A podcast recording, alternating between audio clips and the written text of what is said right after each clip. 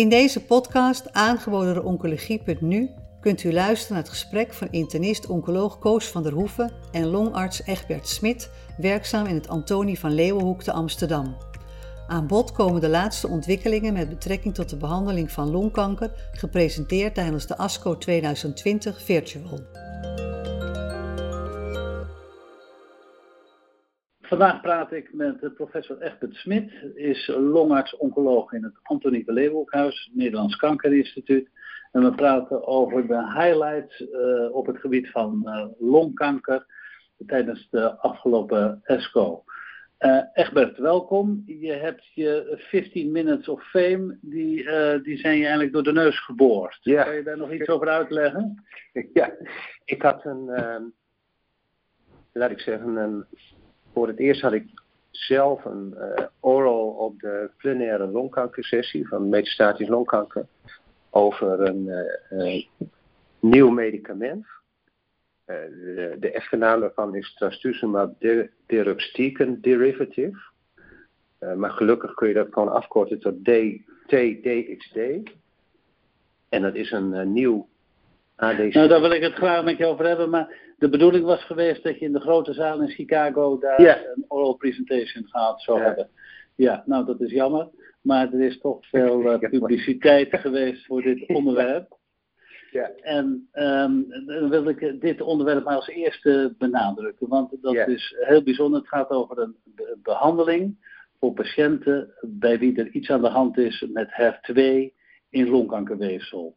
Uh, Om welke groep patiënten gaat het? Eh, de presentatie ging over eh, die patiënten die een eh, HER2-mutatie hadden als dat is een oncogene driver-mutatie voor in het bijzonder adenocarcinoom van de long. Ja, hoe vaak komt dat ongeveer ja. voor?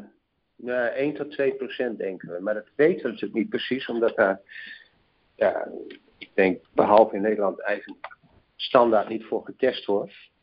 Mhm. Dus over de werkelijke incidentie daarvan weten we niks. Maar in de grote series die tot nu toe gepubliceerd zijn, is het 1 tot 2 procent. Dus een paar procent. Een zeldzame mutatie. Oké. De presentatie zal gegaan zijn over trastuzumab deruxtecan bij HER2 uh, longcarcinoompatiënten. Mm. Kan je iets vertellen over de opzet en de resultaten van de studie? Ja, het was een, uh, het was een fase 2 studie waarin twee cohorten werden behandeld. Enerzijds was het het cohort van mensen die HER2-mutatie hadden. Daar gaan de presentatie concreet over. Maar er was ook nog een ander cohort van de resultaten later bekend worden bij mensen die HER2-overexpressie hadden als vermeend uh, drivermechanisme voor, uh, voor, voor, uh, voor de longkanker. Patiënten die werden geïncludeerd als zij voorbehandeld waren met tenminste uh, een platina uh, bevattende chemotherapie, al dan niet gecombineerd met een PD1 of PDL1 remmen. De meeste mensen die, uh, die hadden twee lijnen van, van behandeling gehad voordat zij in deze studie werden behandeld met dat medicament. Dat werd gegeven één keer per drie weken via een intraveneus infuus. Het is eigenlijk een nieuw soort medicijnen. Uh, een ADC, dus een antibody drug conjugate. Het antilichaam is uh, eigenlijk lijkt precies op trastuzumab. Uh, het medicament waar het, eigenlijk, het uiteindelijk cytotoxisch gedeelte van het medicament is een topoisomerase 1 remmer. En ik denk het echte innovatieve gedeelte zit eigenlijk in die linker tussen het antilichaam en het medicament. Eh, die linker die, eh, eh, die zorgt ervoor dat, die, dat het complex eigenlijk stabiel blijft in de circulatie. Dus het, het cytotoxisch topoisomerase 1-remmer, die kan niet in de circulatie gesplitst worden. Dat gebeurt pas wanneer het medicament bindt aan HER2, vervolgens geïnternaliseerd wordt en in het lysosien van kankercellen wordt gesplitst. En daar komt het cytotoxisch gedeelte vrij. Dus het werkt eigenlijk alleen in de tumorcellen zelf. Ja. En zou daardoor ook heel weinig bijwerking hebben op andere weefsel in het lichaam. Ja. De, resultaten? Nou, opmerkelijk zou ik zeggen. Uh, beperkte groep patiënten behandeld. Dat als eerste disclaimer, 42 patiënten ging het over. Maar de, uh, het primaire eindpunt van de studie was objectieve responsrate. En die objectieve responsrate die, die was 62% En dat was bij, uh, door een independent review board voor de responses was dat bevestigd, vastgesteld. Ja, dat is hoog. Dat is super hoog. Want je moet je bedenken dat iets derde lijns behandeling of meer. Traditioneel ligt daar de, ja, van de medicamenten die wij nu beschikbaar hebben.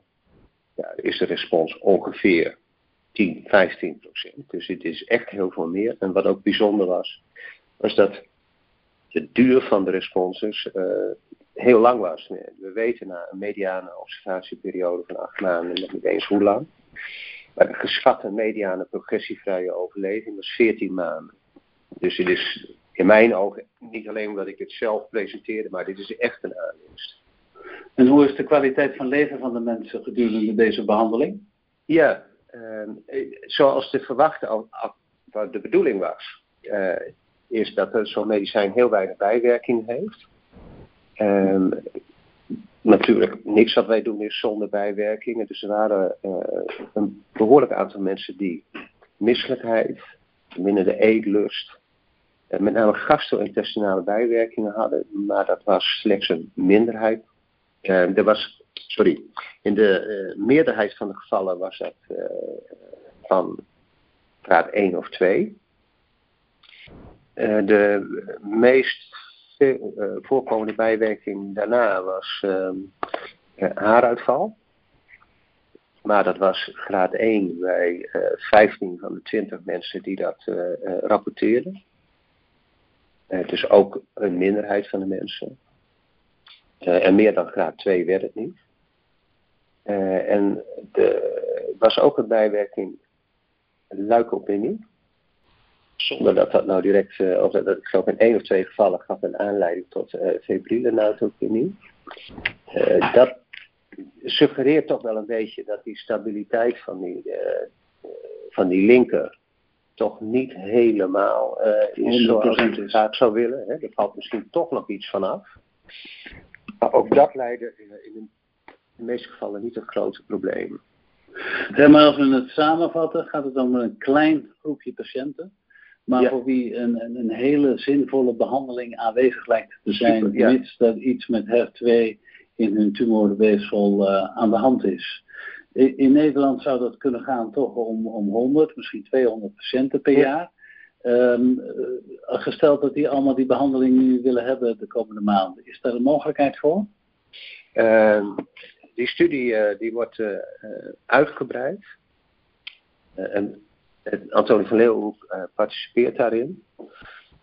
Dus mensen die kunnen daarvoor verwezen worden. En er wordt ook een nieuwe, nieuwe studie met het medicament geopend. En ik, ik, heb begrepen dat dat in meerdere centra in Nederland gaat lopen. Dus is vooral kijken in je netwerk of dat medicament daar beschikbaar is. Maar voordat je het de patiënt aan kan bieden, moet je ze wel identificeren. En ja. dan moet dus, je moet weten of het een HER2-mutatie is of dat het een HER2-overexpressie is in de tumorcellen. Ja. ja. Oké, okay, nou... Die zit in de NGS, hè? Bij de meeste. Ja. Ja. Oké, nou heel erg interessant. En daar gaan we nog veel van horen. Uh, ja. Ik wilde naar een ander medicament, uh, dat heeft de betrekking op de EGFR-mutatie. Ik denk dat we inmiddels bijna 20 jaar weten dat EGFR-mutatie dat dat eventueel bij longkanker uh, betekenis kan hebben voor behandeling. Daar hebben we een aantal medicijnen van gehad, maar het laatste middel dat er aan toegevoegd is, dat is osimertinib. En als medicijnen in de gemetastaseerde setting goed werken, dan komt altijd de vraag van, zouden we dan ook in de adjuvante setting geen verbetering kunnen verkrijgen? En bij de ASCO was er een presentatie over osimertinib adjuvant bij longkankerpatiënten met een EGFR-mutatie. Wat kan je daarover vertellen? Uh, uh, ja, het is precies zoals jij zegt. Hè. Je, je hoopt dat medicamenten die in de uh, setting dan in een vroegere fase kunnen leiden tot eventueel curatie van mensen. Roy Hurst die presenteerde de data van de Adoura-studie, moet ik zeggen. Daarin werden mensen met een resectabel longkanker, dus stadium 1b, 2 of 3a, werden gerandomiseerd nadat zij al dan niet een adjuvant chemotherapie hadden gehad, wat nog steeds de standaard van behandeling is, werden gerandomiseerd naar uh, behandeling met uh, osimertinib gedurende drie jaar of uh, placebo. En die studie, die, nou, zoals elke fase 3 studie, zit daar een IDMC op. En die IDMC die had op een gegeven moment geadviseerd om, om te om deblinderen omdat het verschil zo groot werd dat het ethisch gezien niet verantwoord was om de studie door te zetten. Uh, en het verschil werd getoond op uh, ASCO, dat ging over progressievrije overleving. En er was een, uh, een ongeveer 80% reductie. Misschien moet ik het even, even iets aanvullen, want ik denk dat het over ziektevrije overleving was. Hè? Want het ging om de adjuvante therapie. Ja, sorry, ziektevrije overleving, correct. Ja. Daar heb je helemaal gelijk in. Maar er was dus uh, eh, 80% reductie in uh, de kans dat je ziektevrij overleefde met placebo is vergeleken met uh, osimertinib. Ja, dat is een enorm denk, verschil. wat zeg je? Dat is een enorm verschil. Want ik heb die getallen hier staan. De twee jaar ziektevrije overleving was in de osimertinib arm 89% en in de placebo arm 53%. Dus dat is een enorm verschil. Ja.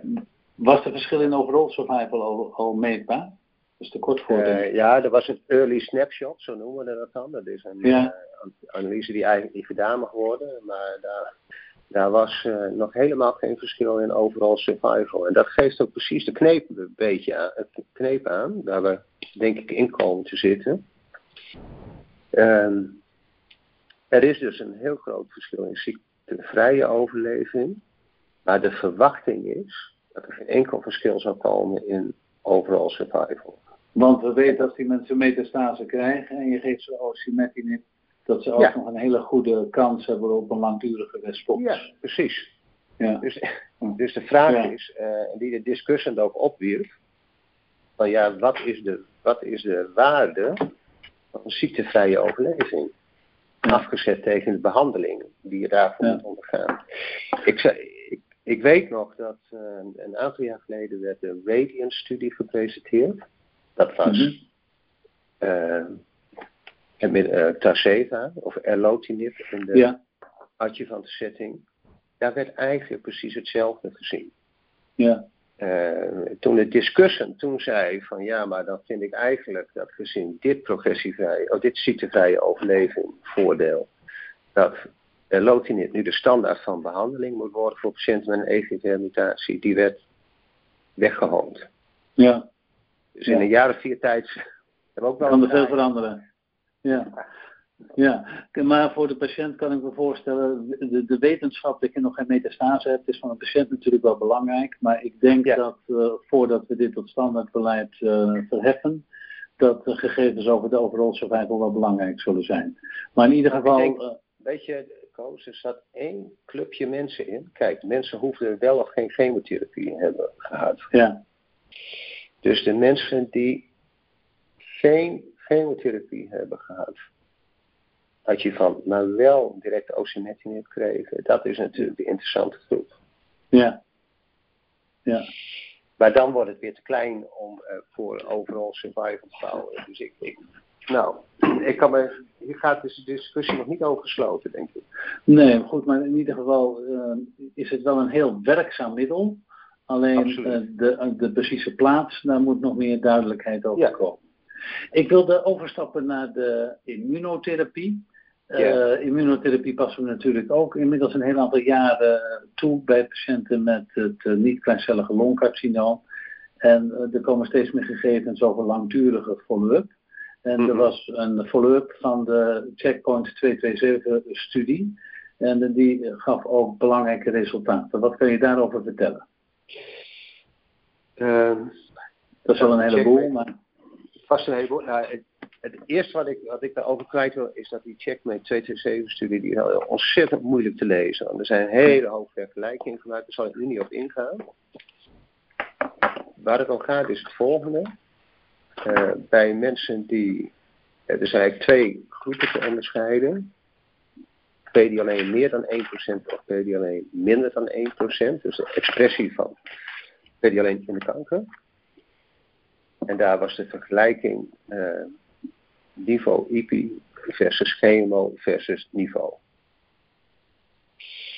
Uh, en dat geldt voor die beide cohorten.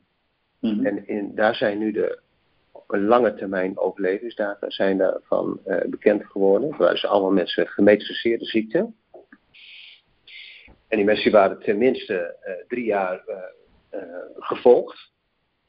En daar waarin in het begin van die curves het verschil nog maar heel klein was, lijkt er nu aan het einde van de curves toch een verschil te komen tussen laat ik zeggen, mensen die met immunotherapie zijn behandeld versus mensen die met chemotherapie zijn behandeld. Weet je alleen, meer dan 1% was dat voor niveau IP 33 versus 22% uh, chemotherapie. En niveau alleen zat daar uh, tussenin. Bij de mensen met een PD alleen minder dan 1% was het verschil nog groter. Na drie jaar 34 versus 15% nog in leven. Dit zijn overal survival data. Voor de immunotherapie alleen versus de chemotherapie. Uh, een overlevingsverschil van absoluut 20% na drie jaar. Ja. Voor longkanker is wel heel groot. Dat is, dat is heel erg groot. Dus dat is zeker iets uh, uh, om over na te denken. ja, het is een, al een wat oudere studie, hè? Ja. dat zorgt ervoor dat die, waar we tegen afzetten, niet meer de moderne eerste lijnsbehandeling is. En ik ja, dat blijft toch de belangrijkste kritiek op deze studie. Is, is dat de controlearm is niet meer van deze tijd. Want de controlearm, dat was chemotherapie met een platinum-derivaat, alleen platinum. Ja. Ja. Dus, uh, ik denk dat uh, voor de meerderheid van de patiënten in Nederland uh, is de standaard van behandeling is chemotherapie met Dus die andere PD-1-remmer, ja, die komt in geen van deze armen terug. Nee. opvallend is, is dat de curves tussen chemotherapie alleen en chemotherapie met nivolumab toch wel heel dicht bij elkaar liggen daar is niet echt een groot verschil tussen. Dus je vraagt je af van wat zou er gebeurd zijn als er uh, chemotherapie met uh, uh, gangbare PD-1-remmer pembrolizumab zou zijn ja. toegepast. Maar ne het neemt niet weg dat een, meer dan een verdubbeling van de driejaarsoverleving. tot een jaar of vijf geleden spraken we eigenlijk alleen nog maar over éénjaarsoverleving. Dus ik, dat is al een enorme stap die we gemaakt hebben. Ja. Uh, is bijzonder. Over drie, jaar overleving dus die eigenlijk niet te spreken. En als je nu ziet dat in beide gevallen, zowel PDL1 meer dan 1% als kleiner dan 1%, de drie jaar overleving uh, 34 respectieve 33% is, dat is een enorme winst. Maar hoe dat precies, of dat Pembro moet zijn, of MIVI plus IP en wat de plaats van chemotherapie moet zijn, daar geeft deze studie nog niet het definitieve antwoord op. Dat is juist. Maar ik denk waar de studie wel een hele goede hint voor geeft, is dat wil je uh, lange termijn overleving bereiken, dan heb je uh, immunotherapie nodig voor longkanker. Ik denk dat dat een heel duidelijk statement is. Ja. Uh, het niet-kleincellige longcarcinoom, daar past wel een tijd de immunotherapie toe. Kleincellige blijft dan eigenlijk in achter. En uh, er waren een aantal studies bij kleincellig uh, longcarcinoom waar immunotherapie gebruikt werd, maar misschien dat je die kan samenvatten in een paar woorden. Want... Ja, ja het, het effect van immunotherapie bij kleincellig carcinoom is heel veel kleiner dan bij het niet-kleincellig longcarcinoom. Um, er zijn allerlei bijzondere zaken aan de hand, zoals het effect kompas na wat langere tijd van behandeling, wanneer je de meeste mensen al kwijt bent. En uiteindelijk, uh, na een jaar of twee, gaat het om een handjevol patiënten die je, laat ik zeggen, het voordeel zou moeten geven van de uh. Nou is het zo, dit haalt voor geen enkele van de studies die gepresenteerd werd, haalt dat de criteria die wij uh, in de commissie BOM hebben geformuleerd, die uh, Pascal-criteria. Ja. Aan de andere kant moet ik eerlijk zeggen, toen ik dit uh, gisteravond nog weer wat voorbereidde, dacht ik, ja, ik geloof 15 jaar geleden of 20 jaar geleden uh, met die chemotherapie uh, waren we al lang blij als er 3% verschil was bij wijze van spreken. Ja, Dus- ja. Ja, het is begrijp je, het, het zijn ook meeschuivende panelen. Nou ja, kijk, de winst die zou kunnen zitten als je een klein percentage hebt wat heel langdurig eh, overleeft. En misschien wel geneest, hè? want die zien we natuurlijk bij de kleincellige Nee. enkele keer. Nee, nee, daarvoor zijn die data dingen ook dan nog eh, te pril. Maar eh, eh, ja, het, hanteren van dezelfde criteria bij verschillende oncologische ziektes. Ja, daar had ik gisteravond toch ook opeens weer een wat ander gevoel bij. Maar het neemt niet weg dat die, dat die eh, eh, laat ik zeggen, eh, de toevoeging van immunotherapie, welke vorm van immunotherapie dan ook, aan de standaardbehandeling van het kleincellig non-carcinoom, heeft tot in het algemeen wat teleurstellende resultaten eh, geleid. Dan laten is een het. clubje. ja, clubje dat is dat, een club. dat profiteert. Dus de discussie van, eh, van al die onderzoeken was, ja, die zeggen van ja, we moeten dus naar biomarkers zoeken die die club aanwijzen. En ik denk dat dat ook de boodschap moet zijn. Dit zijn zaken die je een onderzoeksverband moet geven. Nou, dat is een heldere boodschap. Het kleincellig longcarcinoom, eh, de, de, de limited disease, dat Ja. wordt normaal gesproken behandeld met chemotherapie in combinatie met radiotherapie. En ik dacht dat de radiotherapie wel een klein beetje uitgesproken was. Maar er was een Nee. studie waarbij bleek dat als je de radiotherapie intensiveert, dat er misschien winst te boeken was. Wat kan je daarvan zeggen? Er was een studie die eh, eh, gedaan is in, de, in Scandinavië. Daarin werd het zogenaamde Tourici-schema, waarbij 45 pre radiotherapie twee keer per dag wordt gegeven. Dus totale fractie twee, totale dosering 45 pre, maar dan twee keer per dag. Eh, gecombineerd met eh, platina etoposide. Dat is eigenlijk een standaard schema. Ja. Dat werd vergeleken met, als we nou die, die radiotherapie, dus die totale dosering nou iets omhoog brengen, maar wel twee keer per dag geven. 60 pre. En daar werd een aanzienlijk, ehm, zowel progressievrij als overal survival voordeel gehaald. Dus dat suggereert dat er zeker nog rek in die eh, radiotherapie zit, daar waar het om effectiviteit gaat. Eh, die studie die was eigenlijk des te opmerkelijker, omdat er anderhalf, twee jaar geleden de eh Comfort-studie is gepresenteerd. Dat is ook in limited disease, dus lokaal voortgeschreden kleincellig carcinoom. Daarin werd het Tourisi-schema vergeleken met gewone standaard 63 uh, radiotherapie, eendaagse uh, fractionering. En daar was geen enkel verschil. Dus er zit iets biologisch in die uh, hyperfractioneerde radiotherapie, die er kennelijk voor kan zorgen dat er toch nog een overlevingsvoordeel wordt bereikt. Ja. een, een hogere dosering. Dat is wel bijzonder, want bij de kleincellig longcarcinoom zit er toch een, een klein aantal patiënten dat, dat overleeft.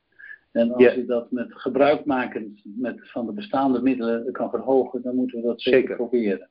Ja.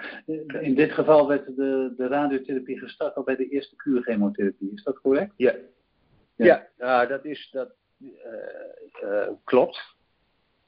Eh, dat is niet gebruikelijk in eh, de meeste centra in Nederland, omdat het makkelijker is om te beginnen met chemotherapie dan eh, met radiotherapie. Maar daar moet immers altijd planning voor gemaakt worden. Dat is een beetje een praktische eh, overweging. Ehm, maar eh, onder andere Dirk Ruischer, een radiotherapeut in Maastricht, die heeft eh, bij herhaling laten zien dat hoe korter de overall treatment time is, hoe beter de uitkomsten zijn. Oké, dus het is zeker iets om nog een keer heel goed naar te kijken, Ja. omdat er duidelijke winst voor deze patiëntengroep Absoluut. eh, geboekt kan worden. Als slot, ehm, als we uitslagen krijgen van weefselonderzoek van longkanker, dan zien we altijd een heel groot aantal letters staan en tegenwoordig staat er ook MET bij. Mhm. En voor MET is er misschien wel iets, want eh, er was een middel dat heet capmatinib. Wat kan Ja. je daarover zeggen? met deregulatie bij niet-kleincellig heeft twee gezichten. Enerzijds is het een mutatie waarbij exon 14 niet meer tot expressie wordt gebracht. Dus ook een C met exon 14 skipping mutaties. En het andere is amplificatie. Nou, voor die uh, C met uh, exon 14 skipping mutaties, daar was vorig jaar op ASCO waren een tweetal presentaties met uh, en tepotinib die suggereerden dat, dat als single agent een tyrosine remmer dus een oraal medicament heeft een responsrate van zo'n uh, rond de 50, 60 uh, procent. Een beetje afhankelijk van de lijn van behandeling waarin je dat geeft. En nu komen ook de eerste data los van de mensen met C met amplificatie. Nou, daar ligt het toch wat genuanceerder. Ehm, Alleen mensen met hele hoge amplificatie, die blijken, uh, dus er meer dan 10 uh, eh, gene copy numbers, uh, die blijken enig voordeel te hebben met behandeling met capmatinib. Daar was de Jürgen Wolf, dat is eigenlijk degene die ja, dit middel ik zeg, groot heeft gemaakt, die presenteerde data van een fase 2 studie uh, waarbij de responsrate zo rond de 30% was. 29%. Maar 30% is ook altijd nog iets van we zeggen, dit is Zeker. niks. Ja. ja, maar het is niet, weet je, het is niet wat wij zien bij die oncogene druivens. Daar heb je een veel percentage, dat ligt daar veel hoger. Dus hier ja. is nog iets anders aan de hand.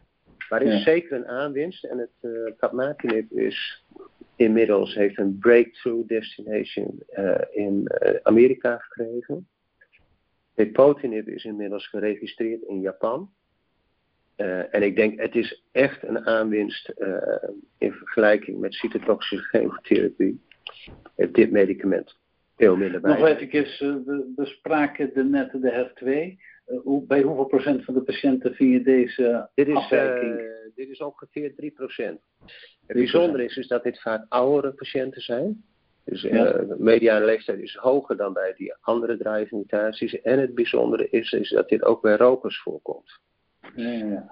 Uh, maar het gaat er ook weer om dat we deze patiënten identificeren. Testen. Ja, zeker.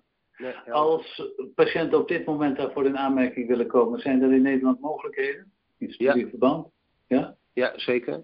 Uh, er lopen nog studies met depotinib. Ik heb begrepen dat uh, het mogelijk is om uh, uh, via compassionate use programma's uh, capmatinib te krijgen. Nou, ik denk dat maar dat ook een, dat in centra hè, moet dat gebeuren. Dus je moet mensen daarvoor verwijzen. Je moet contact houden met je tertiair verwijscentrum. Mensen ook voor deze medicamenten te verwijzen. En daarna nou, kijken, dat is het allerbelangrijkste. Nakijken, want als je het niet ja. kijkt, dan kan je het ook niet zien. He, dat is een Amsterdam spreekwoord. Ik, ik denk dat het mooi is om ermee af te sluiten. Een heleboel nieuwe dingen. En ja. er, er, komt ook zeker vervolg. Hartelijk dank weer voor uh, deze medewerking, uh, Egbert. Ja, dankjewel, Paul. Bent u geïnteresseerd in meer podcasts? Deze zijn te vinden op de website oncologie.nu.